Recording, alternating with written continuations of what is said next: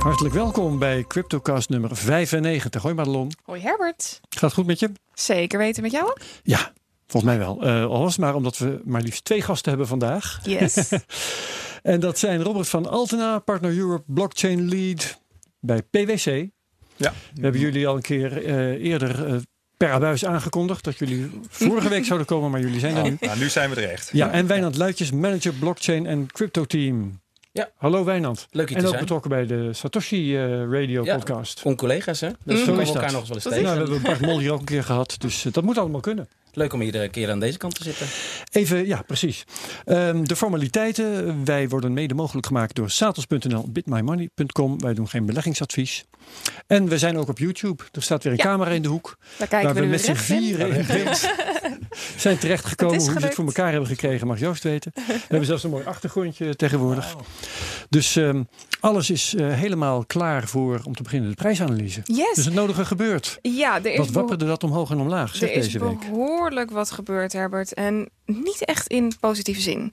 Eh, de Oh. koers is behoorlijk fors eh, naar beneden getuimeld. En die loopt nu langzaam weer langzaam aan, weer een beetje omhoog. We hebben echt de bodem van het neerwaartse trendkanaal nog eventjes geraakt. Echt bijna eh, precies nauwkeurig. En we ja, gaan nu langzaamaan weer een beetje omhoog binnen datzelfde trendkanaal waar we al weken, maanden. Nou, dus wat dat betreft geen nieuws. Alleen de randjes zijn een beetje verkend. Precies. Eh, nog een keer de bodem getest. En dit is al de zoveelste keer dat dat gebeurd is. Minstens 1, 2, 3, Ja. 4, 5, 6. Dit is de zevende keer alweer. Maar die bodem komt steeds lager te liggen. Die bodem ligt inderdaad steeds lager, Herbert. Ik weet het. Het is, eh, het is om, om, om te janken. Maar goed, eh, het is Weet nou waar dit zo. goed voor is trouwens? Ik Nou. weet niet of ik het al een keer gezegd heb. Voor de vermogensbelasting. Jazeker. Ik hoor de het vaker koers inderdaad. op 1 januari 2020 kan ons niet laag genoeg zijn. Nee, kom maar in door. cryptoland. Nee, Dus maar het, met die koers. het is Daarna wel. we eh, het, ja, het is wel gewoon heel erg jammer. Ik zie wel op de grafiek nu dat er een bodem gevormd is voor de komende nou, aantal weken. Ehm, maar ja, we zijn nog steeds niet uit het neerwaartse trendkanaal. Dus heel veel meer kan Nee. ik er niet van maken, helaas. En het blijft telkens hetzelfde verhaaltje op de lange termijn. We moeten uit dat trendkanaal. En laten we hopen dat dat eh, volgend jaar. eh, Is er iets zinnigs te zeggen? Want dat vraag ik me toch af. Hoe dat nou tot stand komt. Want, want vaak zijn er dan twee lijnen die elkaar ergens tegenkomen. Hè? En dan Mhm. ga jij zeggen van nou te- tegen die tijd breken we uit. Ja. Eh, hoe komt nou zo'n kanaal tot stand met twee van die lijnen die precies parallel lopen? Dat is toch dat wel is- heel bizar. Dat is inderdaad heel bizar. Ik krijg die, eh, die vragen ook heel vaak. Ik geef eh, les technische analyse op, op de Hogeschool van Amsterdam. En dan zijn er wel eens studenten die dan vragen: ja, maar hoe kan het dan dat die koers precies Ja. in dat driehoek gaat en of in die driehoek gaat en dat die dan precies uitbreekt? Dat je dat kan berekenen. Daar valt niks voor te zeggen. Dat is een soort van wetmatigheid die altijd plaatsvindt. Empirisch En- vastgesteld. Ja, het, het is ook een deel self-fulfilling prophecy, omdat heel veel eh, autobots en heel veel eh, ja, partijen toch kijken naar diezelfde steun- en weerstandslijnen. En dan krijg je automatisch dat daar een beweging plaatsvindt. Dus dat is ook voor een groot deel het geval. En waarom dit zo is, kan ik niet verklaren. Het is nou Nee. eenmaal zo en maak er gebruik van, zou ik zeggen. Hebben jullie heren van PwC daar eigenlijk een opinie voor? Houden jullie zich überhaupt hiermee bezig?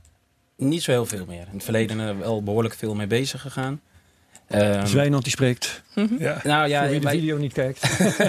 ja, dat, dat, eh, iets schoren, dat, eh, dat ben ik inderdaad. Ja. Eh, nee, ik in het verleden zeker mee bezig gehouden. Ik ben niet zo'n expert als Maat dat op dat gebied kan. Eh, weet je, ik vind het altijd best wel lastig om te interpreteren wat nou betekent. Dus ik denk juist psychologie een hele sterke factor erachter is, wat ze eigenlijk net Ja. aangaf. Mhm. Ehm, ik vind het gewoon moeilijk te begrijpen eh, wat het betekent, eh, dat soort lijntjes. Ehm, wat, ik wel, wat mij opviel is dat die drop gisteren, ik, ik eh, ben relatief met boksen en daar werd het opeens ook besproken. Dus die drop na drop na drop hoorde ik eigenlijk niks. En nu zo'n grens wordt er bereikt, waar opeens mensen om me heen beginnen te spreken van heb je gezien wat er is gebeurd met de koers? Heb ik gezien, maar waarom begin jij er nu over? er nu ineens over. Ik merk het om me heen ook. Ik merk het op fora, eh, bijvoorbeeld op ix.nl, waar ik schrijf dat daar ineens de gemoederen wat hoger oplopen. Naarmate die koers toch lager komt, wordt er weer ineens gepraat. En ik Ja. vraag me dan af of dat dan mensen is die sensatie zoeken en Bitcoin heel graag dood willen Of verklaren. een koopmoment zoeken. Precies, dat zou ook kunnen. Dus het is heel interessant wat er, wat er nu gaande is. En we moeten het gewoon in de gaten houden. Misschien mag ik ook wat zeggen. Zeker? Eh, ja, dat is, dat is Absoluut. Ik ben natuurlijk het type, eh, het type eh, oude grijze accountant met een pak aan die te laat is begonnen met... eh, Maar geen stropdas. Nee, geen stropdas. Die heb ik thuis gelaten bitcoin kopen. Ja, ja. Dus ik ben ook, ik heb Ja. bitcoins gekocht op het verkeerde moment. Dus Goed dat, zo. privébeleggingen, dat, eh, nou, dat, dat, eh, dat verdring ik maar. Maar Oké. dus, Madelon is een heel belangrijk punt wat je aanhangt over de markt. En dan denk ik, jij, en jij eigenlijk ook met de koers. Hè? Want als accountant krijg je wel dat iemand ehm, eigenaar is van zo'n coin. Hoeveel is die dan waard?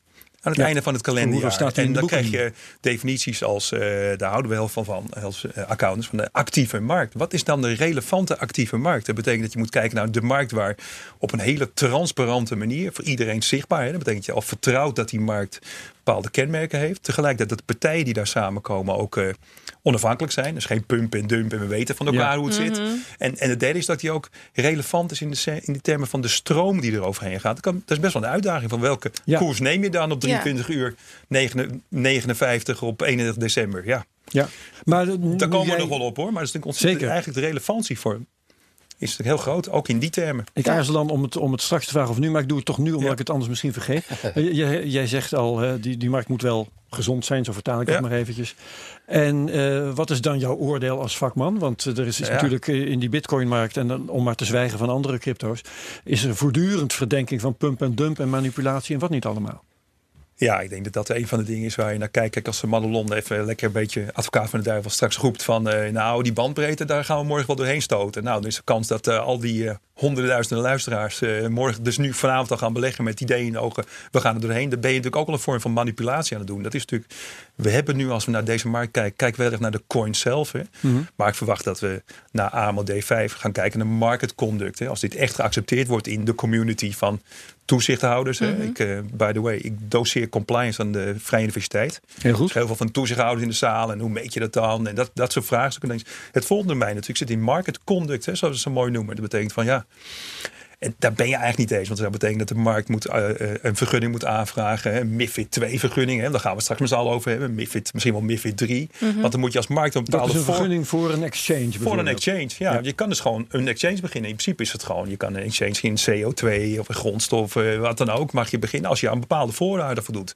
En dit is natuurlijk een markt op een gegeven moment die is rijp voor, om ook dat soort markten te creëren natuurlijk. Ja. En dan kun je natuurlijk ook als BV Nederland heel goed voortouw innemen. Hè? Want dat betekent in ieder geval dat je die zuiverheid wel in je systeem Maar dat betekent dus dat nog meer regulering relevant gaat worden voor het eh, Ik denk hele dat we eh, types als ik, eh, die over de regulering gaan, steeds vaker in deze studio's eh, zich zullen melden. Interessant. En ja, Meteen een voorspelling voor het komende jaar. Ja, 2020. gelijk ook zo. Ja, ja. Laat staan Simon natuurlijk. Die, is, die loopt er even op. Maar. Simon Lelyveld, die gaan we straks nog meemaken inderdaad, want eh, hij is niet hier.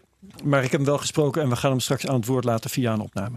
Oké, ehm, tijd om het, met, eh, om het over nieuws te hebben. Ehm, nou, ehm Wijnand, begin jij maar eens eventjes. Ja, Ik heb het langst niet gepraat. nee, even lekker rustig hè. Ja. Nee, inderdaad, ik eh, heb eh, gekeken wat is nou een passend nieuwtje bij het eh, onderwerpen die we vandaag willen behandelen. Ehm, en het viel mij op dat afgelopen vrijdag de VeedChain eh, Foundation, dat is een, een, decentrale blockchain oplossing die heel veel doet met vastleggen van authenticiteit op de blockchain producten. Ehm, die Die kan een. Chinese organisatie geloof ik. Ja, of? Japans of Chinees in ieder geval. In Uit Azië in elk geval. Erg veel uit Ja. Azië. Ehm, nou goed, daar zit de foundation. Hè. Dat is het, het netwerk zelf is decentraal. Ehm, die kwam naar buiten dat zij een, een, een hack om hun oren hebben gehad van 6,5 miljoen dollar. En dat is niet zo heel raar misschien. Dat gebeurt natuurlijk best wel vaak. Het opvallende hier is wat, dat ze uitgebreid hebben beschreven waar aan het kan liggen. Ehm, het lijkt erop dat het in te maken heeft met niet volgende procedures tijdens het genereren van de private key. En je moet zien dat dat moet gebeuren in een setting misschien wel zoals waar we nu zitten. Hè? Dus achter gesloten door- deuren met zo min mogelijk mensen die het kunnen zien. Ehm, daar is gewoon een procedure niet gevolgd door een, eh, een member van de finance team, zoals ze dat zeggen. Het is ook niet met interne controles naar voren gekomen. En de key als gevolg is misbruikt en gehackt. En in één transfer is 6,5 miljoen dollar aan VeChain eh weggesluist. Zo. Was dat van meerdere accounts? Het was van de chargeback of de refund. Of ik weet niet precies de, de wallet. Het was een chargeback wallet. Wat dat betekent bij VeChain heb ik niet eh, zo snel kunnen achterhalen. Ja. Eh, maar het laat in ieder geval zien dat het een, een wallet is die aangesloten Kwetsbaar. was aan het internet als in een hot wallet. Precies. Ja, ja. En 6 miljoen, ehm, ik weet even uit mijn hoofd niet de market cap van VeChain, maar laat het om en nabij de 1 miljard zijn. Ja, het is, dat, Dus de is best een foundation, hap. ja, de foundation heeft natuurlijk zelf een soort reserve waar zij natuurlijk eh, een mens van betalen, investeringen van betalen. En uit dat potje, potje lijkt het dan te komen. En dat is op zich niet zo opmerkelijk. Want je hebt natuurlijk hacks van tientallen miljoenen eh, hebben we gezien. Honderden miljoenen misschien Ja. zelfs. Of scams. De market cap is, is vrij laag. eh 280 miljoen. Dan is het heel eh, significant. Behoorlijk fors. Ja, ja, en er zitten natuurlijk heel veel die tokens zijn bij eh, consumenten of bij investeerders in handen. Hè. Dus dat is niet allemaal de foundation. Maar dat laat zien waar we het straks over gaan hebben waarschijnlijk. Is ook hoe ga je nou zorgen dat als bedrijven mee gaan handelen en het gaan integreren in bedrijfsvorming. Dan heb je processen nodig. Dan heb je gewoon mensen nodig die ook de processen volgen. Ja. Ja. en als je proces netjes opgeschreven en iemand van het finance team lijkt ervan af te wijken. Ja, dit kunnen gewoon hele grote gevolgen zijn. Ja, oké, relevant. Mooi zo.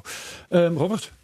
Mijn nieuwtje. Ja. Ik, ik begrijp, Madelon, dat jij dezelfde had. Ja, maar dat Ja, geeft maar niks. Madelon is wel Brand los. Ik voeg wel toe waar. Ehm, de ECB heeft eh, vorige week een rapport uitgebracht. Dat heet eh, Exploring Anonymity in Central Bank Digital Currencies. Dat is van de ECB. Het heeft ook over, gaat ook over central bank digital currencies. Maar dat is toch wel een, denk ik, een belangrijke poging om samen met het bankenconsortium, hè, Corda R3, hè, via dat mechanisme, te kijken naar hoe je in een omgeving van virtuele currencies toch iets van de kracht van cash eh, kunt inbrengen. Hè. Men- Mensen hebben gewoon de behoefte om... eh, anonimiteit. Dat is, Anonimiteit. eh, staat in de Letterlijk titel. anonimiteit. Ja. Ja. Dat betekent dat er een concept van een anonimiteit, foutjes, wordt uitontwikkeld. In de zin dat je dus een mandaat krijgt van een centrale partij. Hè, in dat een onafhankelijke partij die niet ziet wie hoeveel heeft, hè, om het simpel uit te drukken. Dat die foutjes kan uitgeven aan mensen om ze toegang, om ze toestemming te geven dat ze een transactie doen. Dus dat betekent dat je een soort pre-clearing krijgt. En dat is het idee van dat je twee etage markt krijgt. Dat je dus een markt krijgt van een kleine bedragen. Van ik wil niet dat mevrouw weet dat ik 50 euro uitgeef. Dat, dat niveau tot eh, eh, 100 keer, 100.000 keer 50 euro uitgeven. Zeg, oh, dat is wel een heel groot bedrag in één keer. Dat, dat willen we eigenlijk van, dat willen we wel weten, want dan is het gek. Nou, deze poging is een ontzettend belangrijke poging. Dat betekent wel dat je Ja. nog steeds niet hiermee zegt van zo gaan we ook naar alle andere tokens en currencies kijken. Maar alleen voor dit domein. Maar het is wel een belangrijke ja, manier om eh, ja, dit te reguleren Ja, voor. Ik, Want, want, want, eh, we zitten allemaal aan te kijken tegen een aanstaande cashloze samenleving. Ja. En een van de bezwaren die daartegen genoemd wordt, eh, dat is dat je je anonimiteit voortdurend kwijt bent, omdat je alleen nog maar kunt pinnen. Daar komt het in het kort op neer. Ja, want eigenlijk is eh, in, in mijn simpele term is het natuurlijk een, een, een virtuele currency is een, een, een bankbiljet. Ja. Wat je niet in je hand hebt, maar op een papiertje staat omdat het de code is. Maar wel met een vingerafdruk. Hè? Dus het is een vingerafdruk waarvan je nu al weet dat je misschien over Ja. zoveel jaren later iemand weet dat jij dat bankbiljet in handen hebt gehad. Hè? Want het ligt wel eh, op een systeem vast wat er eigenlijk terug in de tijd heel goed uit te vinden is. Dus van- anonimiteit is een heel belangrijk Ja, ding. en dat document van de ECB is- zou een eerste stap kunnen zijn in de richting die vertelt van... hoe je kunt bereiken dat degene die daarmee omgaat, toch een vorm van anonimiteit, eh, eh, dat hij weet dat hij zich daarmee omringt. Nou, dat is natuurlijk ontzettend een uitdaging. Dan moet je wel een centrale autoriteit weer gaan vertrouwen. Hè. Dus het, het, het wringt ook wel op een bepaalde manier met wat je wil bereiken met z'n allen. Maar dat, dat, dat, is wel, ja, dat zijn de stappen voorwaarts die je misschien mag verwachten. In Ja, want het, het interessante in, in deze is dat de ECB dus die, die, die, ja, die blockchain onderhoudt. Je mag het eigenlijk niet eens een blockchain noemen, want het Nee. is het niet. Ehm, maar de ECB die onderhoudt het. En die vouchers die zouden dan weer uitgegeven moeten worden door de banken. Dus die anonimiteitsvouchers. In hoeverre is dat dan anoniem, behalve dat de rest van het netwerk dat niet kan zien? Eh, de bank weet het alsnog van je en die geeft die vouchers uit. Het, het is... Het is, de, het is de Ehm, vraag of de, of de bank de uit, degene is die het uitge, eh, gaat uitgeven. Want ze spreken over een AML. eh, eh, Authority of een, een nood. die- Dus, dus de, wat, wat jij zegt is natuurlijk ontzettend belangrijk. Dat je zegt, ja, dan ga je Daar, van daar dezelfde gaat het bank. om. Ja. Dan heb je, doe je Maar als de bank het heeft, dan kan de politie het daar weer opvragen. Ja, en, nou, dat- of je dat nou wil of niet, maar en, dat en kan. hoe anoniem is anoniem. Hè? Dus dat is natuurlijk Ja. ook een van de vragen die je zelf wil gaat stellen. Maar in ieder geval, dit is wel een goede poging om te kijken van, goh, hoe, hoe kunnen we dat, dat doen? En ja, dan moet je dus ook gaan voorbereiden als eh, speler in dat veld. Maar daar is dus de eerste stap voor gezet. En, eh, Dat denk ik, nog- ja. nog Ja, het is een onderzoek toch uiteindelijk. Het is een onderzoek, Ja. het is een research paper. Ja. Maar er staat op zoveel pagina's, elke pagina staat van... Nou, dat betekent nog niet dat we ook vinden dat zo'n coin er moet komen hoor. Ja. Maar als die er komt, dan... Maar is dat niet ook ideologie dat eh, de ECB eigenlijk dat niet wil vinden? Eh, Of, of vindt dat ze moeten, de indruk moeten wekken dat ze dat vinden? Ja, in ieder geval, er is nog. eh, ja, ja, je kan de Tweede Kamer, Eerste Kamer, Raad van State. Nou, dat heb je op Europees Moet je niveau. allemaal Moet je allemaal nog langs. Ja. En, en iedereen begrijpt wel dat je als, als wij het niet doen, doen de Chinezen het wel. Hè. Ik zeg het heel plat, er komen misschien nog op. Maar je, je- je- dat je daar iets gaat doen met z'n allen. Hè. Ik, Ja. ik, ik kan heel uitweiden over wat, eh, wat Payment Service Direct, eh, eh, Directive Dat daarvan gaan we dan vindt. nu nog even niet doen. gaan we nu niet doen. Maar dat, dat, dat trend is wel dat er zoiets gaat komen. denk Maar het is toch heel positief dat de- dit soort instanties in ieder geval de poging doen om kennis te vergaren. Ja. En misschien is de vorm nog niet wat wij willen Nee. hè, vanuit de bitcoin-gedachte, want het is een, een euromunt of het eurochain, zoals volgens mij dit artikel noemde. Ja, misschien is dat niet in de gedachte van wat wij als crypto-enthousiastelingen zouden willen. Maar dat daar kennis wordt vergaard en dat daar misschien later een betere discussie kan plaatsvinden. Ja. Zeker als je nu de communicatie, wat Simon eh, straks gaat toelichten. Daar gaat ook veel communicatie mis. Er gaat veel mis op kennisniveau. Hè. Waar hebben we het nou over? Ik denk dat dit soort onderzoeken daar wel positief aan kan bijdragen. Ja, het is in ieder geval bespreekbaar. Exact, en dat was een paar jaar geleden niet. Juist. Dat is winst. Ja, dat Madelon. is zeker waar. Ehm, ja, eh, aanvullend op dit nog. Er was een, eh, een analist, een welbekende crypto-analyst. Die, eh, meneer Greenspan heet hij, toevallig. Dat is zeker wel. ja, en hij gaf aan dat dit een dystopie is. En dat komt onder andere omdat het bijna niet mogelijk is om een distributed ledger als deze eh, te bouwen op de manier hoe dit geschetst is in ehm, het onderzoek. Eh, dus dat maakt het heel interessant dat ze dan toch gekozen hebben. Of misschien is het onkunde. M, Ja, in ieder geval, hij gaf aan. Op deze manier, hoe ze dit laten zien, kan bijna niet. En de machtsverhoudingen zijn heel duidelijk dit gaat over datzelfde ja, over, ECB-rapport. over dat rapport. Ja, de ja. machtsverhoudingen zijn heel duidelijk zichtbaar. En dat is eigenlijk waar je van af wil. Je wil juist naar een open systeem. Ehm, maar ja, dat hangt er dus inderdaad vanaf wat voor voorkeur je hebt. Ehm, maar om toch macht te behouden, is dit eh, een eerste ja, model. Het is echt nog, ja, het is echt een, leu- een leuk bedacht, maar. Heel eerlijk, ik denk niet dat het er in deze vorm zo zal gaan komen zoals dat ze dit onderzoek eh, naar buiten brengen. Maar wat wel duidelijk is, is een, eh, in de kern van het verhaal is dat de ECB hoe dan ook eh, de macht wil houden. Dat die ervoor wil zorgen dat het witwassen tegen wordt gegaan. Dat er duidelijk eh, ehm, eh, EML en hoe heet het andere ook alweer? Anti-money laundering en CFT. precies die. Dat daar Allemaal wordt toegezien ja, dat, dat, dat, allemaal niet, eh, dat dat allemaal niet plaatsvindt. En dat de banken uiteindelijk het product distribueren. Dus dat de bank de dienst blijft aanbieden. En dat de banken helemaal niet eh, weg worden gedacht in de toekomst. Dus dat is wel heel bijzonder. Eh, daarnaast had ik nog een ander nieuwtje. En dat gaat over het aantal longposities. Wat momenteel eh, te Oh ja. zien is op de grafiek van Bitfinex. En het is heel erg interessant. Want we zitten momenteel op een all-time high. En dan heb ik het niet over de koers van Bitcoin. Maar dan heb ik het over eh, de posities die ingenomen worden ten aanzien van het mogelijk stijgen van een koers. Dus als je een longpositie neemt, dan anticipeer je op een koersstijging. En vanaf 25 november of 22 november volgens mij zelfs, ehm, is de, het aantal longposities tot nu toe verdubbeld. En dat is heel interessant. Niemand weet. Niemand weet hoe het komt, waarvan Ja. het komt. Wie het eh, zijn. wie het zijn, inderdaad. Er wordt gesproken over een grote whale. Maar dit betekent wel dat als deze longposities, die dus verdubbeld zijn, als die in de knel komen te zitten door een lager, lagere koers, dat deze posities geswitcht zullen worden naar shorts. En dan krijg je dus een mega eh, sell-off, waarbij er een enorme spike binnen een aantal uren naar beneden plaatsvindt. Waarbij je echt koersen kan zien van Ja. eh, hier tot Tokio naar beneden. Eh, ieder geval. ja, en kun je ook zien, want dit, hè, long, een longpositie, eh, daar hoort een bepaalde termijn bij. Wat die termijn dan is. Op welke termijn denken zij, eh, de, de mensen die die posities innemen, dat die koers omhoog gaat? Dat heb ik zo niet uitgezocht. Eh, Nee. ik weet ook niet of op Bitfinex daar bepaalde termijnen aan vastzitten. Net zoals met futures die aflopen. Dat durf ik niet zo 1, 2, 3 te zeggen. Maar ehm, even kijken. Nee, dat staat ook niet in eh, het document. Eh, dus waar het op neerkomt is dat de koers wel omhoog zou moeten gaan. Als dat niet gebeurt, dan krijgen we een nog lagere koers. Precies, maar het is dus heel gaat of interessant. hard omhoog of hard omlaag. Precies. Al weet alleen niet wanneer die dat doet. Ja, goed, ja, zo, dit eh, is de eer- ja. heel Handige voorspelling. Nee, maar hou, oh ja, voor de mensen die dit interessant vinden, hou inderdaad eh, de grafiek van de posities in de gaten. Ja. Dit is de, de langste stijging ooit sinds eh, de rally in 2017. We hebben nog nooit zo'n harde Ja. stijging gezien. Dus, het is als- heel als- interessant. Ja, als de eigenaars van deze posities ongelijk krijgen, krijg je, dan dondert de dus in elkaar. Mhm. Maar wat dit op dit moment zegt, is dat er optimisme is. Ja, er gokt iemand tegen de markt in. Dat is eigenlijk wat er, wat Ja. er nu gebeurt. Oké, interessant. Zeker. Ehm, laat ik vertellen wat eh, mijn nieuws is. Het eh, kwam ik van de week tegen. Eh, dat is het spannende verhaal van Quadriga CX. De Canadese exchange waarvan de eigenaar op raadselachtige wijze om het leven is gekomen in India. En het fascinerende vind ik nu dat. eh, ik, ik had altijd gedacht tot nu toe dat er geen lijk was. Maar er blijkt in eh, deze maand, in december, blijkt er in Canada, eh, nou ja, in elk geval iets of iemand te zijn begraven. Eh, blijkbaar was er dus een, een lijk, hebben ze dat naar Canada getransporteerd.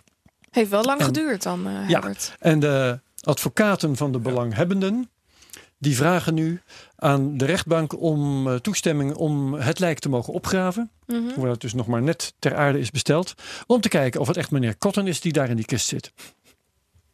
En of dat alsjeblieft ook een beetje gauw mag, want anders heeft de ontbindingswerk al gedaan. Ja. Dus voor de lente willen ze dat voor elkaar hebben. Ja, goh, het gaat om een bedrag van 100 tot 250 miljoen dollar, afhankelijk van wat je leest. Maar de, die, die bedragen lopen een beetje uiteen. Maar dus eh, om een lief bedrag dat van eh, de rekeninghouders is. Of investeerders, hoe je ze wilt noemen. En eh, dat op dit moment ontoegankelijk is. Ja, en maar eh, de vraag is eh, of het überhaupt nog toegankelijk is, hè? of het nog bestaat. Ja. Ja, of, of, of het niet allemaal geplunderd is. Nou, of het niet is geherinvesteerd. Er zijn natuurlijk hele vage Ja. geldstromen te zien vanuit deze wallets. Die ze heel moeilijk konden achterhalen. Ja, al, al voor eh, eh, hij dood zou Ja. zijn gegaan, eh, heeft meneer Cotton zich al bedragen toegeëigend, als ik het goed heb begrepen. En de vraag is dus eh, vooral, is hij dood, ja of nee? Want daar zijn ook best verdachte omstandigheden. Hij eh, was jong en gezond, relatief gezond dan, hij had Crohn's disease, maar daar ga je niet onmiddellijk aan dood. Ja, wat was het? En- wat, hoe ging het verhaal nou? Hij was naar India gegaan hij met was naar zijn India vrouw. gegaan. Eh, die vrouw weet ik even niet, maar in ieder geval... ehm, hij is daar. Hij heeft eh, vlak voordat hij doodging nog even zijn testament gemaakt of veranderd en zijn vrouw begunstigd. De eh, maand daarvoor of zo, ja. En eh, is eh, gestorven en verdwenen. En eh, even kijken, wat was er nog meer voor? Nou ja, een verdachte omstandigheid is ook dat India is toevallig net een land waar je, als je een beetje betaalt, een overlijdensakte kunt krijgen. Mhm. Als je er zin in hebt om te verdwijnen. Ja. Daar staat India wel een beetje onbekend. Dus allemaal dingen die raadselachtig zijn. En ehm, ik vind wel dat in ieder geval die advocaten een, een goed verhaal hebben. Dat het toch wel belangrijk is om even te weten of het echt qua DNA en zo. Meneer Cotton is daar Ja, in die kist. Absoluut. Want eh, de belangrijkste vraag, is hij echt dood? Die mag toch wel eventjes beantwoord worden. Ja. En misschien dat Dus- de vrouw ook nog wat eh, informatie heeft. Ik weet het niet. Nou, die vrouw die hebben ze al eh, kaal geplukt in de eerste plaats. Ja. Daar is het nodige aan gedaan met behulp van Ernst Young. Of EY moet je tegenwoordig zeggen.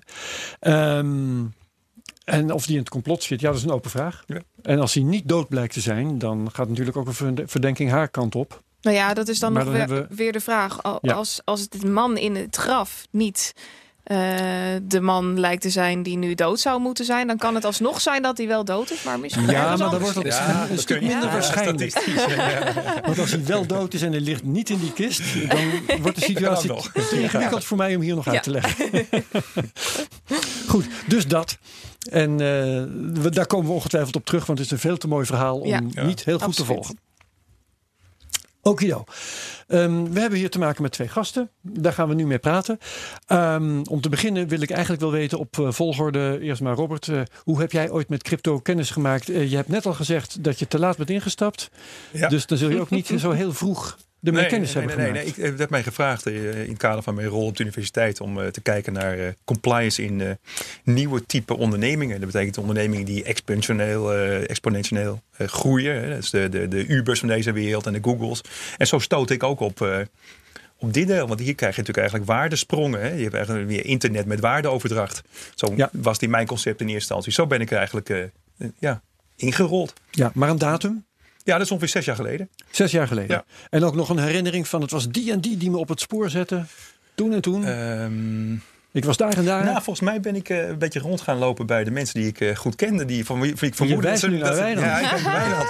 Van wie ik wel vermoedde dat ze er misschien verstand van hadden. Dus eh, volgens mij is Oh, hij ja. zo echt gaan rollen. Ja. Oké, goed. Nou, dan Dus hij gaat was in de- ieder geval voor mij. Precies, nou, dan, dan gaat de vraag meteen door naar. Wijnand. Ja, kon ik maar zeggen dat ik vanaf het begin af bij zat. Nee, eigenlijk was ik op het begin heel sceptisch. Ehm dan komt ik... eh, Maar dat vind ik gezond. Ik had heel veel tijd ook. op de Vrije Universiteit toen ik studeerde. En ehm, ja, dan ga je toch verdiepen in alle technologie. Ik hou er echt van. En ik geloofde gewoon niet in het concept dat er iets op het internet bestond wat niet te kopiëren was. Dat kon, dat kon ik niet geloven. Hè. Dat waren de hoogtijdagen denk ik van privacy, waarbij muziek overal vers- verspreid werd. Ja. De opkomst van Kazaa en al dat soort diensten. Ja, het was gewoon zo in mijn gedachten niet logisch dat er iets bestond. Nou ja, tien jaar later eh, zie je dat het daar wel degelijk kan. Hè. Dat er dus een technologie bestaat Ja. die als basis heeft. Het is, elke bitcoin is uniek en je kunt het niet kopiëren. Je zegt tien jaar later heb je inderdaad al in 2009... Nee, nee, dat wil ik niet zeggen. Nee, nee, nee zeker niet. Zeker niet. Nee, ik, ik kwam me gewoon tegen. En, ehm, en het grappige is eh, dat je ook gewoon nog steeds zo ziet. Ik, je ziet het ook in televisieseries komen. hè. Zoals Mr. Robot. Ik weet niet of jullie dat kennen. Ja, Dus ook in 2015 is dat een serie geëerd wordt. Gewoon op de US ergens op, de, op zo'n main channel. Gaat het ook voortdurend over de val van de, het financiële stelsel en, en bitcoin. Dus je ziet dat, dat het brede publiek wel degelijk kennis heeft gemaakt. Waaronder ook ik op zulke manieren. Van wat is het? Maar het niet nemen of niet de tijd nemen van wat het echt is. Ja, dat achteraf krap je natuurlijk op je hoofd. En misschien zeker met die enorme koersprongen. Maar ja, nee, ik, ik kan er geen, geen moment op stappen. Ik kocht mijn allereerste bitcoin was denk ik 2016. Dat ik echt dacht, nu ga ik eens instappen. 16. Oh, Eind nog niet 2016. slecht. Ja. Ehm, Ja, dat, dat, maar goed, dat is voor mijn tijdmoment. Dat, dat vind ik niet bepalend in van hoe, hoeveel je ervan af weet, zeg maar. Het is wel natuurlijk leuk om die groei te zien. Ja. Ja. Een van de redenen dat wij trouwens eh, met jullie contact hebben gezocht, dat is dat we het bericht tegenkwamen dat eh, PwC Luxemburg was begonnen met het accepteren van Bitcoin als betaalmiddel. En dat was ook een leuk verhaal omheen, want eh, ze hebben ook nog een trots persbericht rondgestuurd.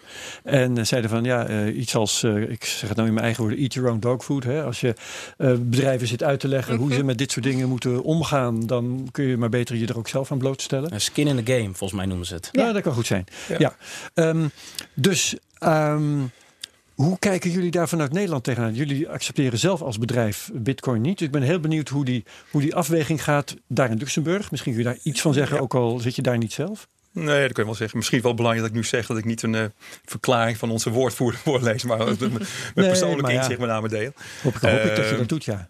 Ja, wat heel belangrijk is, kijk, uh, accountants, kijk, de, de, de wet ter voorkoming van witwassen en financiering van terrorisme, van terrorismefinanciering, die die, die, die is voor iedereen van toepassing. Want niemand mag eigenlijk eh, van geld waarvan hij vermoedt dat het witwassen is met ja. financieren. Je bedoelt ook in Luxemburg? Want ja, nee, de, nou, de, die WFT is natuurlijk Nederlands, maar dit is de ja. AMLD, hè, de Anti-Money Laundering Directive. En andere wetgeving, die, die is ook voor Luxemburg relevant.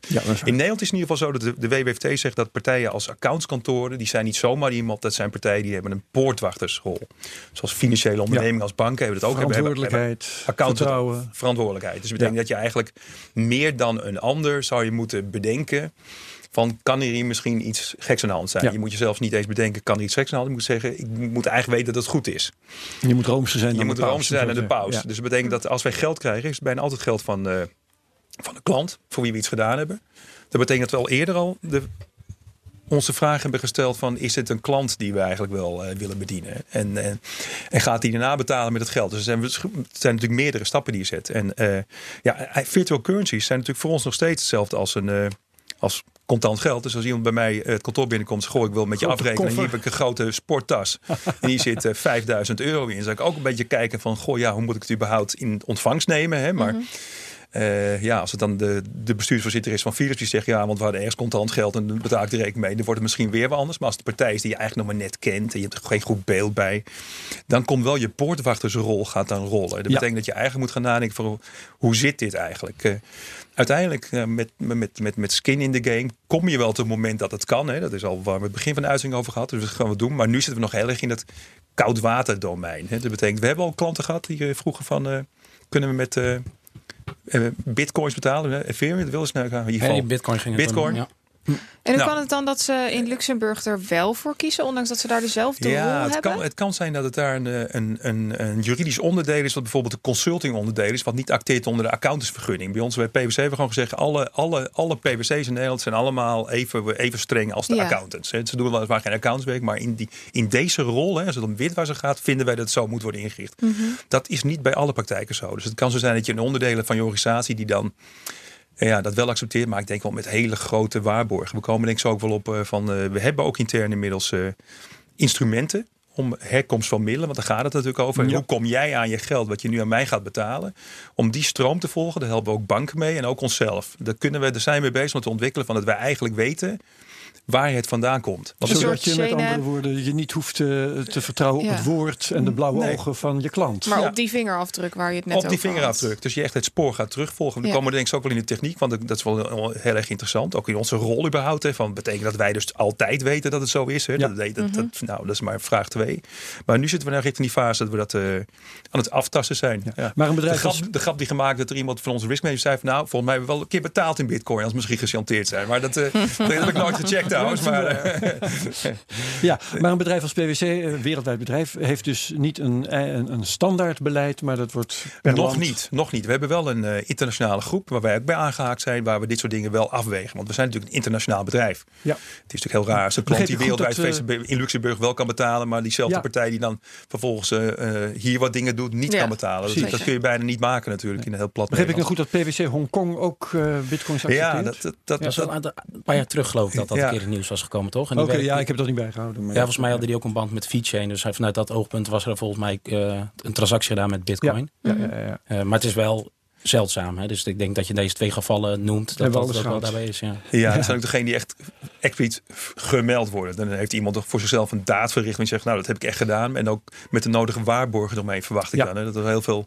ja, dat het niet common practice is. Want elke dag eh, doen we dat. Dat is Nee, al wel, precies. En, ik op het moment dat het, dat het mogelijk is om die vingerafdruk te trekken, staan jullie er dan in Nederland ook voor open om eh, bitcoin en cryptocurrencies te accepteren? Omdat je dan de oorsprong van het geld tussen aanhalingstekens. Ja, dan krijg je dus cryptocurrencies. En cryptocurrency is twee. Hè? Want als je zo'n stablecoin eh, krijgt, dan misschien de ECB eh, op lijkt te marcheren. Ja. Dan wordt het natuurlijk een ander verhaal. Dan Ja. wanneer iemand eh, ja, zijn eigen flippo tot een coin heeft verheven. hè. dat, dat, dat, dat blijven we natuurlijk houden. Dus er zijn zoveel coins, dus dat speelt natuurlijk altijd een rol. Ja.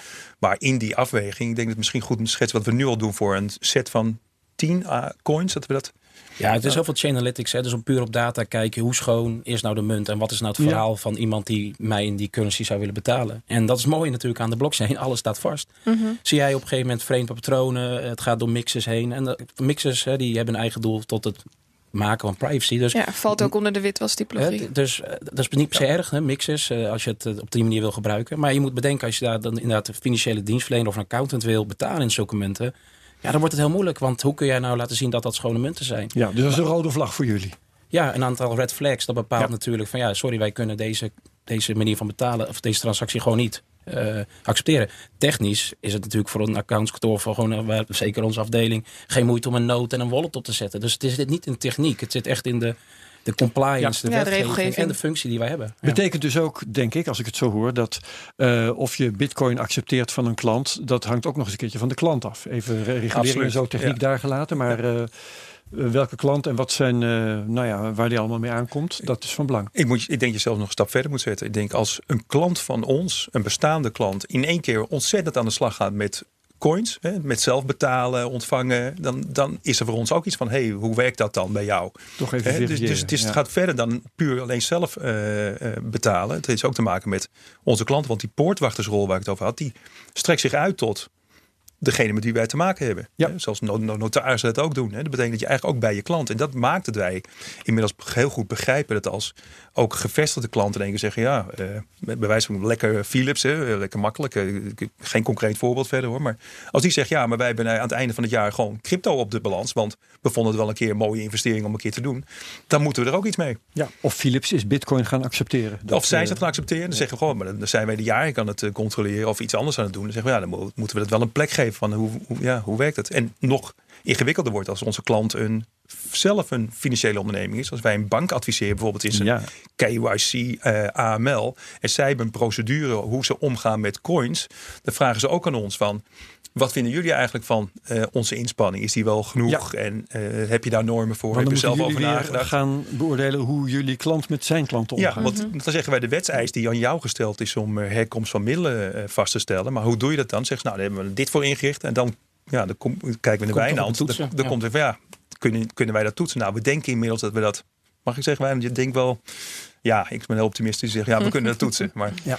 Maar Maar we, zijn er zeker, we zijn er zeker heel ver om dat te kunnen. Want we, we, we- we werken ook veel samen met onze Zwitserse collega's die daar ook dus die oplossingen voor maken. En dat, dat maakt het gewoon makkelijker. Maar het is niet alleen tools op losgooien. Of, of, eh, maar het is ook juist snappen waar zijn dan die risico's? Wat zijn die nieuwe risico's? En wat betekent nou die nieuwe wetgeving die eraan komt? Wat betekent dat in het ecosysteem? Maar ook voor onze klanten en ook voor onszelf. En als dat samenkomt, dan denk ik dat, dat we gewoon naar voren kunnen om het hopelijk ooit te accepteren. Ja. Zo, ik zou het echt persoonlijk heel erg cool vinden. Ja. En, en PwC eh, belet jullie niet, blijkbaar, want daar hebben we het al over gehad, eh, om privé intussen lekker met eh, crypto te spelen.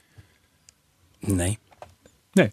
Nee, nee het, het- kijk, als je er heel veel mee speelt en dan gaat het verhuizen van eh, in het belastingterm van box 3 naar eh, box 1, want is gewoon, is het Ja, gewoon je inkomen. dan ben je gewoon de, hele- ja. dan ben je de hele dag ermee bezig. Dat is ook niet de bedoeling, maar in principe wat je privé belegt. Het enige, we hebben wel heel strikte regels trouwens. Hè. Dat betekent dat de regels in eh, het beleggen in eh, eh, aandelen en obligaties van onze klanten, hè, onze klanten. controleklant, dat is wel een punt. Hè. Ja, dat is voor ons een belangrijk punt. Hè. Als wij een partij helpen met een, eh, met een eh, STO, hè, dan, dan, dan maken wij eigenlijk al een soort zwarte lijst van de mensen die daarbij betrokken zijn, mogen niet zelf gaan investeren.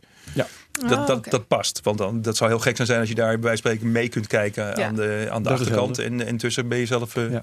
gebruik aan het maken. Nu even het perspectief veranderen. Hè? Want ehm, stel, ik ben een bedrijf eh, en ik ben, ben klant van jullie, kom bij jullie voor advies, weet ik veel. En ik zeg, ik, ik wil bitcoin gaan accepteren. Wat, hoe doe ik dat? Wat moet ik dan regelen?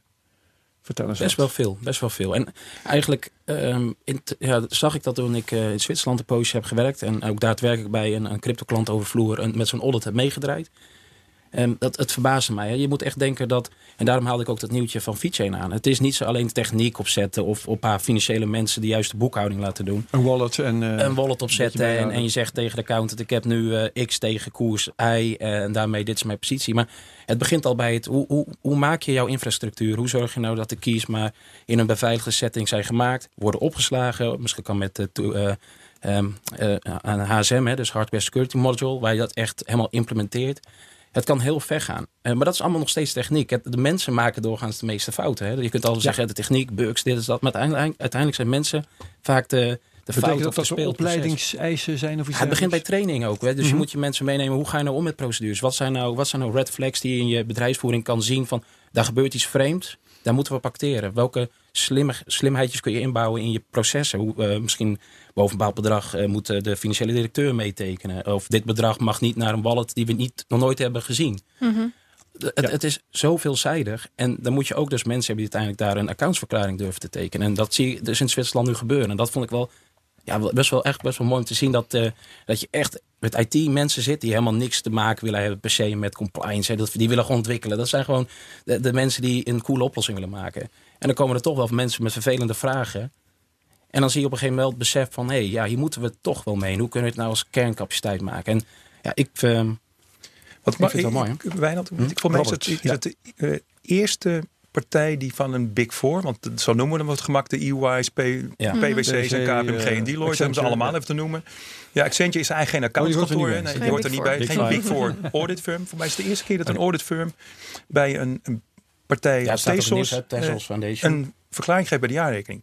We hebben gezegd, dat gaan we gewoon aan. En, en, en, Ja. en we gaan dat gewoon eh, op deze manier, want die partij is er. Die is ook belangrijk, zeker in de Zwitserse context. Zeg, nou, daar gaan we dus niet voor weglopen. Wij als Big Four moeten, moeten daar iets mee. Ja. Dus en dat, en dat loopt nu eigenlijk. Daar en vanuit krijg je altijd terug. En dat is soms een beetje vervelend. Maar dus als jij dus allemaal procedures opgesteld twee jaar geleden. En we, en we komen, wij komen controleren. En ja, je voldoet niet aan je eigen procedures van twee jaar terug. Ja, dan ga je toch opmerking krijgen. En ja, het kan dus ook zijn dat je in jouw accountsverklaring gewoon ja, bepaalde opmerkingen krijgt. En dat is voor het management nooit fijn. Eh, maar dat is gewoon hoe accountancy werkt. Toch veel terugkijken en adviseren is natuurlijk vooruitkijken. Maar, Mhm. ja. Maar dat gaat natuurlijk over een, een grote partij binnen de cryptobranche. Stel dat je zelf eh cryptocurrencies zou willen accepteren. Als je een snoepwinkel hebt of een online eh, zaak. Moet je dan veel dingen aanpassen? Eenmanszaak. Bijvoorbeeld? Ja, dus functiescheiding al heel moeilijk. eh, ja. Ja, ja, ja. Ja. Het is dan je risicoprofiel. Hè? Dus ja, ik denk niet dat dat soort partijen ook een accountsverklaring nodig hebben van iemand van de Big Four die daar een Nee, statement nee, nee, maakt. nee, nee, nee. Eh, dat zou de lokale boekhouder zijn of misschien zelf. Ehm, het, het hangt ook om bij met je impact op de maatschappij of je, eh, met je investeerders. Ja. Dus Naarmate je bedrijf groter is, eh, wordt het ingewikkelder en Ja. eh, moet je aan meer voorschriften voldoen. Ja, we hebben denk ik ook nog een ander instrument. Hè, Wijnand. is dat eh, we hebben eigenlijk twee instrumenten. De instrument van hoe moet je het organiseren, hè, waar wij net net uitputten. Ja. Hè. Dat is een control framework, zouden we, dat noemen we Ja. dat dan. Mhm. Blockchain control framework, ja. ja. Eh, het, en de tweede variant is dat je ook zegt, ja, als iemand iets accepteert, dan omdat je misschien de weg terug kunt volgen. Als wij nou als PwC van het, van het totale chain eh, een dump maken. Hè, dat wij eigenlijk een soort eh, geautoriseerde dump, hè, laten we zeggen, wij trekken dat uit, eh, uit de cloud. En het staat bij ons. eh dan kunnen we zeggen, nou, dan kennen wij dus de weg volgens onze eigen manier. Dus als iemand bij ons bewering doet, kunnen we zelf eigenlijk verifiëren dat dat zo is. Ja, Dus wij pakken eigenlijk een ander soort rol. We pakken eigenlijk die totale cloud, trekken we naar een de hele blockchain. de hele spreken. blockchain Ja. trekken we naar ons eigen domein. En zo doen we volgens mij voor acht currencies, acht, acht coins. Ja, Bitcoin. Hebben we dat- hebben we dat al, eh, Zo gedaan. Oh wauw, dus jullie zijn wat dat betreft daar ook eigenlijk al, al heel actief mee bezig. Ja, maar dat, dat, Ja. dat moet om een accountsverklaring tekenen. Want het gaat ook om, Ja. hè, ben jij de owner van die, de, van die wallet, van die private key, dat jij zegt dat je bent? Ja. Ja, dat- en hoe toon je dat aan? En, Nee, goed, maar dat, je- zijn, dat zijn de vragen. Als je Ja, daar al voor acht coins eh, op die manier actief mee bezig bent, Ja. dat vind ik best wel interessant. Ja, absoluut. Ik wil ehm, langzamerhand naar het AML-verhaal. Ehm, om te beginnen, eh, we hebben hier al eh, redelijk vaak over die AML gehad. Onder andere met Simon Lelyveld, die we zo gaan horen.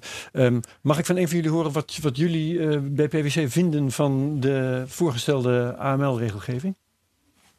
Robert. Maar Krijg je Ja. het woord. mooi is Ja, dat ik Simon natuurlijk eh, vanuit onze eigen podcast, die ik heb met Bart ook heel veel spreken hierover. Dus eh, ja, ik ben natuurlijk ook gevormd naar zijn, naar zijn leer. Eh, nee, maar ik, ik, ik, ik, snap, ik snap zeg maar de gedachte achter eh, de wetgeving wel. Ik denk dat er heel veel op te merken is aan het proces en hoe dat is gegaan. Eh, informatie achterhouden, eh, wat ik dan herzie, documenten die op het laatste moment verschijnen. tegen, tegen, ja, tegenovergestelde opinies. Ik denk dat dat is gewoon vreemd. Maar kijken naar, puur naar de sector waar, waar deze spelers zich in bevinden, dat is dus wel de financiële sector. Hebben wij als maatschappij bepaalde verwachtingen opgelegd. En dat, is, dat, dat wordt toezicht wordt gehouden door de DNB en dat soort instanties. Ehm, maar dat is een beetje de volwassenheid waar nu de bitcoin, en wat eigenlijk als een enorm compliment gezien kan worden, is wel waar het naartoe gegroeid is. Ja. Dat, eh, dat eh, dit nu nodig is voor, eh, laten we zeggen, gemakshalve zeggen bitcoin.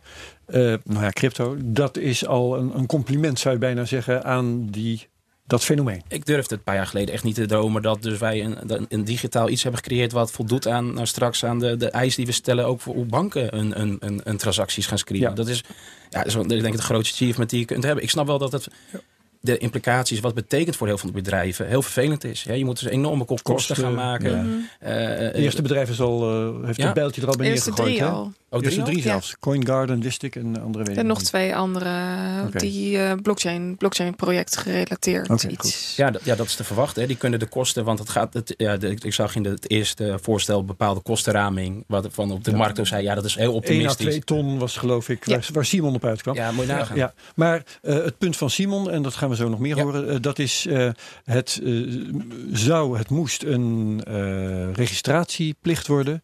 Ehm, het eh, was uit, eigenlijk uitdrukkelijk beloofd, het zou geen vergunningplicht worden.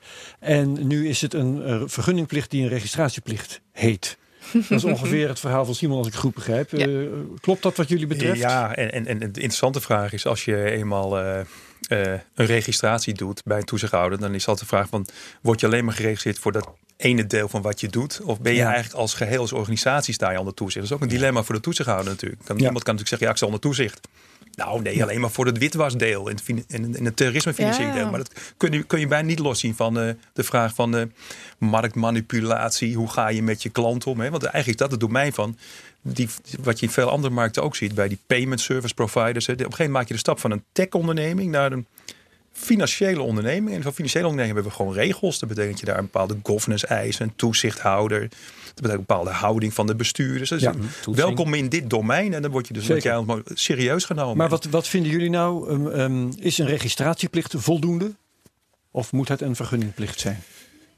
Ja, het- uiteindelijk hangt alles op. mening eh, Het hangt, hangt allemaal af van hoe je ermee omgaat. Ik zie in sommige gevallen dat bijvoorbeeld eh, dat de wetgeving heel beperkte regels heeft, maar dat de toezichthouder heel veel guidance maakt. Ja. En dan krijg je ja, als je, En- en je wat- noemt het wat- zo, maar je doet heel veel En guidance. wat nu voor ligt, eh, is dat inderdaad een registratieplicht die nou ja, zeg maar soepeler is? Of is het in zijn feitelijke werking een vergunningplicht? Ja, dat soort dingen ga je, ga een beetje politiek aan. Ga je pas uit Oké, op het moment dat het toezicht gaat lopen. Hè? Dat Houden jullie gaat liever, onthouden Ja, jullie liever? Ja, Nou ik ja, ga, ik ga, volgens ja. mij was de intentie om het beleidsarm door te voeren. En Ja. zie je dat eh, de, de strekking is van de Nederlandse overheid dat ze iets strikter willen zijn. En dat Ja. daar denk ik ook veel ophef over is. Dat Ja. je vergelijkt met andere... Vergeleken met de rest van Europa Ja, ja, is. Nederland een van de strengste eh, Ja. ja. beleidsmakers. En de onderbouwing daarop. Ik heb ook de, de notulen teruggelezen. Da- daar kun je heel veel van vinden. Of dat nou voldoende wordt onderbouwd. En of advies van Raad van State serieus wordt gene- genomen. Precies. Dat, ik, ik, ik, ik herken de zorgen erin. Uiteindelijk eh, denk ik, ja, het is bijna onoverkomelijk. En, en is, ja, ja. Zal ik eh, Simon maar eens even woord? Want ik heb met Simon eh, kort voor deze opname een gesprekje. En eh, de aanleiding eh, daarvoor was vooral dat ehm, ergens eerder in deze week. Ehm, was er in- van alles te doen rondom eh, de Twitter-stream van Simon. En een brief van, ja. eh, trouwens, daar heeft Satoshi Radio nog een rol bij gespeeld ook. Oh jee. Dus Oh jee. dat, ja, dat eh, gaan we nu horen. Dit is mijn gesprekje met Simon van der Net. Simon Lelyveld, eh, we hebben het even over de continuing story van de AMLD5-wetgeving. Daar is de afgelopen week eh, is daar best wel een opmerkelijke ontwikkeling in geweest. Kun jij die even noemen en toelichten? Eh, ja, nou de ontwikkeling die er was, is dat opeens op een eh, site met consultatiereacties voor de ANWB een brief tevoorschijn dook van de Nederlandse Bank uit maart van dit jaar, waarin ze zeggen tegen het ministerie van Financiën: Doe ons gewoon maar lekker een vergunningsregime, want dat is toch onze visie hoe we met crypto om willen gaan. Uh, dat is een brief die daar niet thuis hoort. Dat ging helemaal niet over die consultatie. Dus het was denk ik gewoon een foutje eh, van de bank in uw voordeel of uw nadeel. Het is mooi je het ziet. En uh, vergunningsregime, en dat in tegenstelling tot registratieregime, wat eigenlijk dus, in het vooruitzicht was gesteld en wat ze nu ook volhouden dat het is. Exact. exact Terwijl de meeste bedrijven en jij ook volhouden dat het in zijn werking en in zijn, zijn verplichtingen eigenlijk meer een uh, vergunningsregime is, wat ingewikkelder en duurder is. Ja, ja, dat was de centrale discussie. De EU schrijft een registratieregime voor en absoluut geen vergunningsregime. En dan is de vraag: is het dan netjes van DNB als ze dan toch om een vergunningsregime vragen? Ja, en uh, dit bewijst dus dat dat, dat gevraagd is streven er eigenlijk altijd achter zat. En het interessante is dat de minister van Financiën tegen de Tweede Kamer zegt: nee. Want de Raad van State die zei vervolgens in haar advies: oh, oh zo zijn we niet getrouwd. geen sprake van een vergunning, moeten we niet doen. Eh, de minister van Financiën gaat vervolgens na dat advies van de Raad van State een bericht aan de Kamer sturen en schrijft. Uh, nou, ik heb goed geluisterd naar de Raad van State. Dus vergunning wordt vervangen door registratie. En het is overigens niet zo dat ik hier extra eisen in heb zitten omdat DNB en AFM dat hebben gevraagd. Dat, hij ontkent dat hij dat heeft gedaan. Dus we hebben wel een smoking gun liggen die laat zien dat die vragen wel gesteld zijn en ook uh, gerealiseerd zijn. En uh, dat advies van de Raad van State, heeft dat een grote verplichtende kracht?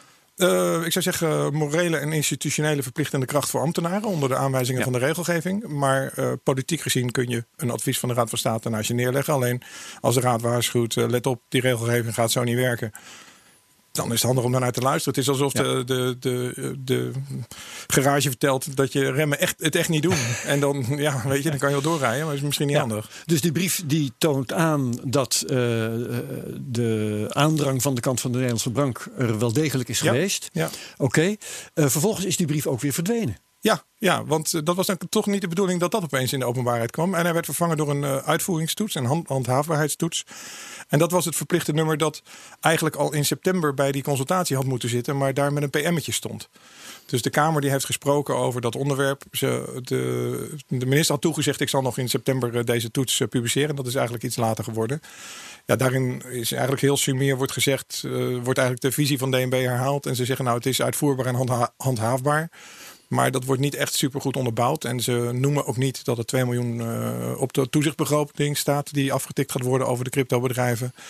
Dus ja, het is een, het is een heel dun stuk.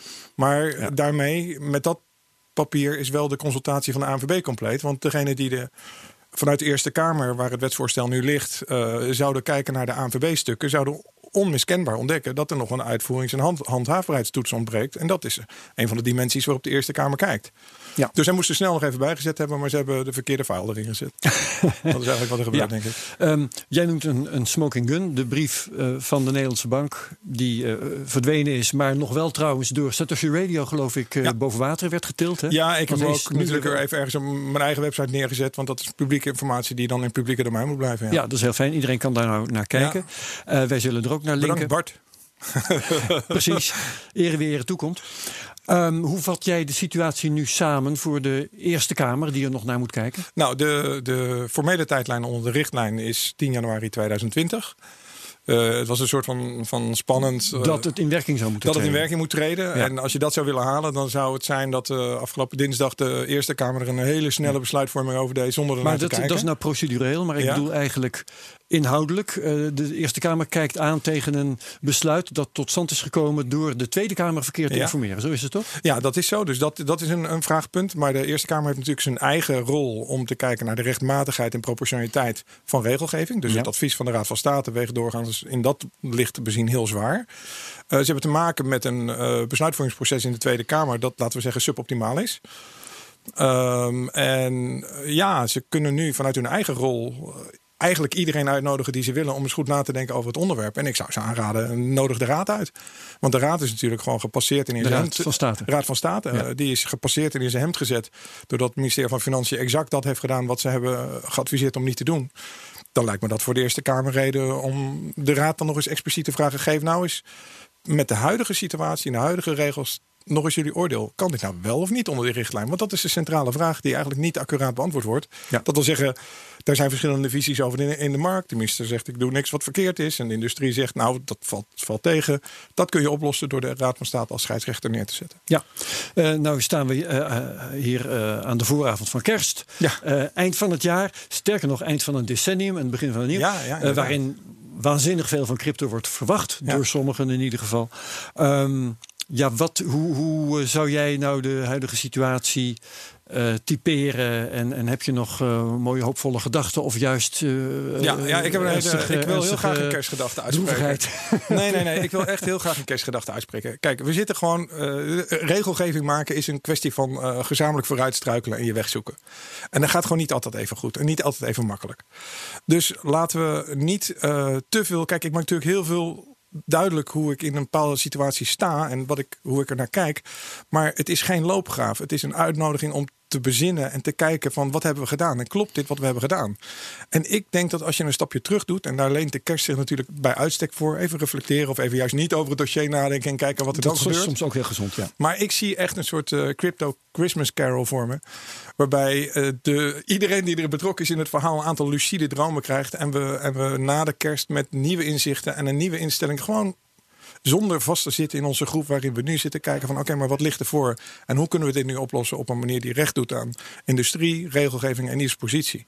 Als we daarop uit kunnen komen met een stuk reflectie, ja, dan denk ik dat dat, eh, dat zou een prachtig eind van dit decennium zijn en Ja. begin van het nieuwe decennium. En Dus om daar, daarbij eh, te helpen, heb je ook nog een leestip, geloof ik. Ehm, eh, even kijken, de leestip is de, eh, de- Ik ben vanochtend geïnterviewd door Thomas Bolle van Follow the Money. En die vroeg mij hoe zit het nou? En die heeft, eh, die heeft nu een, eh, een artikel in de pen. Dus mensen die, die willen gaan reflecteren. Kunnen, Of ze eh, Eerste met dat artikel- of niet. Ja, dat maakt mij helemaal niet uit. Maar die kunnen met dat artikel in de hand kijken. En de, en de onderliggende reflectieve vraag is: vind- vinden we nou in Nederland dat we op deze manier wetgeving zouden moeten maken? Is dit nou een mooi voorbeeldproces van wetgeving? Als we vinden dat het niet zo is, laten we dan als het kan het nog proberen te herstellen. Goed, dat ga ik dan straks ook nog even de mensen van PwC voorleggen. Oké, Dankjewel. Jo. Tot zover Simon Lelyveld. Ja, nou, en eh Wijnand zag ik al uitvoerig knikken. Ja, het is volgens mij heel herkenbaar dingen die we eigenlijk al hebben gezegd. Of eh, ja, de invloed eh, die van Satoshi Nou, Radio. Simon dat zegt het wel erg niet. duidelijk. Ja, kijk, ja, het, proces, het gaat om het proces tot, tot, tot waar we willen komen. En, en daar heeft denk ik Simon heel terecht opmerkingen over. eh, waarvan ik net zelf een paar noemde en hij eigenlijk eh, nog meer aanvulling, aanvullingen had. Ja, daar kun je heel veel van vinden. En persoonlijk vind ik daar ook dat, daar, eh, dat het anders had gekund. Ja. Ja, zeker weten. En eh, ja, dat er dan documenten, dat dat, eh, dat dat snel opgeslagen zijn. Ja, goed. eh. ja, kijk, op, je- op, once on the internet, eh, ja, dan blijft het er altijd. Hè, dus ja. Precies, internet never forget zag ik ook nog ergens voorbij komen. Nou ja, letterlijk dus Ja, nu ja, niet. ja. ja, en je moet ook eh, eh, in aanvulling op Wijnand, je moet ook niet te veel kijken naar eh, vergunning, registratie, processen. Het is, dit is natuurlijk een stapje in het, in het grote geheel. Misschien mag ik als ik een wat, wat groter perspectief. eh, Doe maar. die, die, die WWFT en ook al die regels natuurlijk zijn gebaseerd op het. Eh, als je kijkt op de plek waar het zich afspeelt. Hè, de, op zich, wat we nu hebben, is gewoon een stelsel dat je, als jij een, een geld overmaakt, en, of ja, cash geef je gewoon uit in de plek waar je het uitgeeft, in je woonplaats. Je bankrekening is gewoon gefixeerd, want het is eh, NL38 INGB. eh, Mhm. Dus dat is een bank die volkomen duidelijk bij de bank in Nederland zit. hè. Wat je nu krijgt, is natuurlijk een uitdaging dat je een, iets wat een wereldwijde omspannend is, om dat te vangen in de zin van waar speelt het zich af. Een bitcoin-adres Ja, bijvoorbeeld. en, ja. en de WWFT is ook heel duidelijk. In principe, als je in Nederland onder de WWFT valt met jouw eh, organisatie, dan kun je zelfs een, en- een juridische entiteit ergens anders hebben. Maar als het allemaal Nederlanders zijn die het doen, met Nederlandse klanten, dan zeg je, nou, het is gewoon de WWFT op jou van toepassing. En of je dan doet in het andere deel van de wereld, dat dezelfde Nederlandse eisen gelden wereldwijd hè, voor wat je doet. Dus je hebt een. Ja, ook, je kan je ook niet zo makkelijk onttrekken. hè. Als je Nee. in Nederland je markt hebt, dan is maar de vraag, kom je daarvan weg? En, en, en wat het probleem is in dit, is dat eh, al die WWFT, eh, AML-achtige regels, leiden uiteindelijk altijd tot een mens. Je, altijd, eh, je hebt een organisatie met een holding en een structuur en een transactie, maar het gaat over de UBO, de ultimate beneficiary owner, de, uiter- de, de, de uiteindelijke belanghebber. Dat is altijd een mens en nooit een wallet. En de worsteling natuurlijk is dat we nu met wetgeving die zoekt naar mensen en organisatorische structuren wallets proberen te vinden. Dat hebben we eigenlijk niet opgelost natuurlijk met wat we nu doen. Dus het is een ontzettend tussenstapje in het geheel. Ja. En natuurlijk is het wel pijnlijk dat je eh, de regel is, die- de toezichtkosten worden ja, verdeeld over de organisatie. En als het 2 miljoen is, moet je degene die dan in Nederland die activiteit moet, de 2 miljoen betalen. Ik met heb het net even uitgerekend. Dat is tot nu toe met alle eh, ja, exchanges of, of alle brokers die geaccordeerd hebben 153.000 euro Ja, moet je nagaan. per, Per organisatie. Per organisatie. organisatie. En dat moet je Dus allemaal dat is echt terugverdienen. Want ja. Precies. Ja. Met, met fees op een... En er komen vaak marges, kosten, en er komen vaak kosten bij. Want je zult zien dat Ja. eh, een, geen, een toezichthouder die, die zegt gewoon welkom in de grote wereld, gaat ook eisen aan je stellen. Zeg, maar, Heb jij een compliance Natuurlijk. officer? Precies. Heb je een procedure? Dat is heb nog je los dit? van heb alle je dat? Trainingen. Ja. Dat komt er eigenlijk allemaal nog bij. En, en, en dat is betekent, dat is, ik, ik denk tenminste het dubbele. Hè. Ja, Pin me niet, niet, niet op vast. Maar als Nee, je moet je organisatie in tempo, slagvaardigheid, verlies je eigenlijk zeg maar indirecte opbrengsten. Maar je Ja. hebt ook gewoon direct gewoon kosten die je uitgeeft. Dus, Wat zou dus- nou op dit moment dus dat- beter... ja? ja, en verdien je dat dan terug door Ja. wat het je oplevert? Want dan wil je natuurlijk ook zeggen, dat ik wil mijn klanten nu vertellen. Ik sta, onder, ik sta in het register van de DNB. De klant, hey, die moet ik hebben. En niet die vage club op eh, Malta. Ik ga het nu bij deze partij doen. Dus dat, eh, wat levert toezicht je ook op? Hè? Dat, dat, dat, dat is de echte eerlijke Ja, discussie. dat is, dat is natuurlijk ook iets. Ehm, maar als je kijkt naar de, eh, de wetgeving die nu voor ligt, het wetsvoorstel dat naar de Eerste Kamer gaat, wat zou daar nou beter aan kunnen wat jullie betreft? Is iets wat je zou kunnen noemen? Of is het weer zo'n politiek ding waar je liever ver van blijft? Nou, Eh. helemaal niet. Maar volgens mij is nog steeds de strekking dat alle transacties... eh, nou, in de eerste voorstel een hoog eh, risicoclassificatie zouden krijgen. Ehm, en, en zet je dat af tegen een normale instantie die creditcardbetaling verwerkt, et cetera... mag je daar ook gewoon een risico... eh risicoassessment op loslaten. Hè? Je begint gewoon, Ja. wat zijn de risico's, welke beheerstoestellingen, welke applicaties en hoe monitor ik dat in zijn geheel en wat hou ik dan net over en wat accepteer ik. En wat ik tenminste, ik weet niet in hoeverre dat is veranderd, eh, dat moet je natuurlijk inderdaad aan Simon vragen. Maar ja, als dat nog steeds zo is, ja, dan kun je afvragen, is dat haalbaar? Dus je, ik, ik, ik mis denk ik de, het besef van, kijk, we hebben het over bitcoin, pseudo-anoniem. Maar het, het, het heeft ook wel heel over openheid. Wat kun, wat, hoe kunnen we die openheid nou juist gebruiken, zodat die risicoclassificatie ook toegepast kan worden? En eigenlijk wat we met Robert ook hadden over dat Europese voorstel, dat je misschien bepaalde thresholds gaat implementeren van dat accepteren we, hè, wat Ja. witwassen van een tientje voor, voor een pizza op de hoek. Daar doen we niet moeilijk over. Nou ja, goed, dus, ja, als, als het doel wit was, is wel. Maar, dus ik, ik mis de, risico, eh, de, de, de risicobril. Ehm, Ja. Maar ik ben heel erg benieuwd hoe dat eigenlijk echt geïmplementeerd gaat worden. Het is nu nog een beetje koffiedik kijken wat er nog veranderd gaat worden. Ik weet niet hoe ver dat nog kan. Ja, en Maar, Nederland heeft natuurlijk ook eh, bij andere uh, Eerste Kamer kan het alleen maar wordt een beetje, een beetje, ook een beetje een politiek verhaal hoor. Maar Nederland heeft natuurlijk bij andere regelgeving best wel lang gewacht. Hè. We staan er soms niet bij alle wetten even goed voor in het tempo van in, eh, implementeren. Dus dit is wel, dit is, dit, die zit ook wel een energie achter van. eh, ja, iedereen weet toch dat we geen belastingparadijs zijn. Dus we gaan dus even streng. We gaan het echt even doen. Dat is toch een beetje discussie van de BV Nederland. Hè. We hebben het snelste internetknooppunt van de wereld onder ons liggen. Wij zijn ook lid van de Dutch Blockchain Coalition, het PwC. De BV Nederland, academisch, overheid en, eh, en, en grote bedrijven. Wat, wat wil je hier nou mee? Wil je, dat, wil je ze wegjagen? Dat ze dan allemaal op Malta, dat mijn eh, opa eh, straks gechanteerd wordt. En die krijgt niet de vraag van wordt u gechanteerd? Want anders geven we geen bitcoin aan u. Wil je dat? Nee, je wilt u Nederland houden. Dus dat betekent dat je daar ook in, in gesprek moet gaan met die, met die omgeving. Wat wat Ja. betekent dit nou voor ons allemaal? Want we willen ook geen witwastoestanden hebben. Nou, in, dit is een stapje in die richting, denk ik. Oké, goed. De, de pijn wordt duidelijk. En, en niet vergeten, maar eh, ik denk dat heel veel partijen die wij, eh, we komen best wel wat partijen tegen in de markt. De mate van professionaliteit die nu al in die KYC-trajecten zit, eh, pin me er niet op vast, hè? Mhm. die vind ik heel hoog. Ja. Ook het, het soort gesprek wat we met, Dus dat is een met die- pluim op de dat zijn de allemaal jongens en meisjes. Die hebben aan de universiteit in Twente hebben allemaal dingen gedaan. Die zijn nog hartstikke high-tech. Er dat, dat, dat, en die, die, die hebben er ontzettend veel zin in met z'n allen. Die hebben ook eh, in in vorm van KYC ook heel veel eh, om zich heen gekeken. En eh, ervaring van banken in zich. Dus eigenlijk is het hier een ontzettende kans op een iets wat heel netjes geregeld is. Ja, Alles veranderen. geautomatiseerd proberen toe te passen. Hè. Dus inderdaad waar gewoon grote bankaire of financiële systemen nog heel veel handmatige stappen hebben. Juist door de complexiteit van producten, et cetera. Misschien systemen. Ja, hier wordt het allemaal autom- geautomatiseerd uitgevoerd. Dus je kunt je ook onderscheiden als markt, als segment. Van moet je kijken wat we hebben. Ja, misschien zit daar ook wel weer een service model in. Ik weet het niet, maar Ja, de Het- marges blijven natuurlijk klein hè, bij die crypto ze- brokers. ja, dus zeker dat is een probleem. ondanks Is de dat dat ze alles zo goed mogelijk proberen te doen. En inderdaad, wat, wat jij net zei, eh, dat, dat, dat ze hun uiterste best doen en heel slim en hoog opgeleid en nou, noem het allemaal maar op zijn. Dan nog zit dat stapje kosten eh, bij een jong eh, bedrijf wat nog maar een aantal jaren bestaat. Kan ze de das omdoen? Wat we dus nu al zien met drie verschillende partijen. Ja, maar, wil- ja, willen ze echt de weg vinden naar de Ajax Fancoin? En naar, wij zijn ook in gesprek van, van, die, van, die, van, die, van die family offices die er best wel heel veel geld beschikbaar willen stellen aan eh, huishoudelijke hulp in een bepaalde plaats. Die zeggen, goh, dat zou zo'n coin ontzettend helpen. Hè? Want we, dus dat, die markt van de coin, hè, wil je dat ook bereiken? Wil je eigenlijk een veel grotere markt ontsluiten? Zou je zo'n stap als deze natuurlijk gewoon moeten zetten met z'n allen. Dat in ieder geval die sfeer van geur van Professionalisering. witwassen Ja. wegvalt. Je Ja. zegt, goh, we zijn echt klaar voor serieuze toepassingen. Ja. En dit, Niet dat dit niet serieus is, maar dat, dat, die, die basis leg je natuurlijk wel voor jezelf. Oké, dat is duidelijk. Zullen we nog, eh, tot slot nog even kort over blockchain hebben? Dat doen we eh, wel vaker hier. dus we hoeven niet helemaal over te doen. Ehm, maar eh, ja, eh, Robert, laat ik jou eens vragen. Wat, wat is voor jullie op dit moment het perspectief van blockchain als bedrijf? Ehm, ja, eh, eh, als je kijkt naar de Dutch Blockchain Coalition, net al gevallen. Ja. Als je kijkt naar de, de, de Self-Sovereign Digital Identity initiatieven, hè, dat die daar van de digitale kluis en op je telefoon ben jij de enige die eh, van de, de, de, de, de CWI en van de BKR en van de bank alle informatie, dat hele erg dat idee van self-sovereign, dat, dat is natuurlijk ontzettend groot concept voor die blockchain. Los van dat je iets vastlegt wat je nooit meer onomkeerbaar kunt maken als een controleproces, is dat een Daar ontzettend het. Ja. al die protocollen zijn zo krachtig. We zijn hier met de partijen in gesprek. Ik ga geen naam noemen. Die eh, een verkiezing eh, die best wel in het oog loopt in Nederland. Hè, die zegt van nou, dan, eh, kun, dan willen we eigen blockchain onderleggen. Want dan weet je helemaal, dan kom je eigenlijk in een nieuw domein terecht. Een technologisch nieuw domein, maar ook een domein waar, ja, waar je ook een vorm van, van zuiverheid en, en vertrouwen kunt toevoegen. En Ja. Dat is een fantastische ontwikkeling waar die blockchain natuurlijk...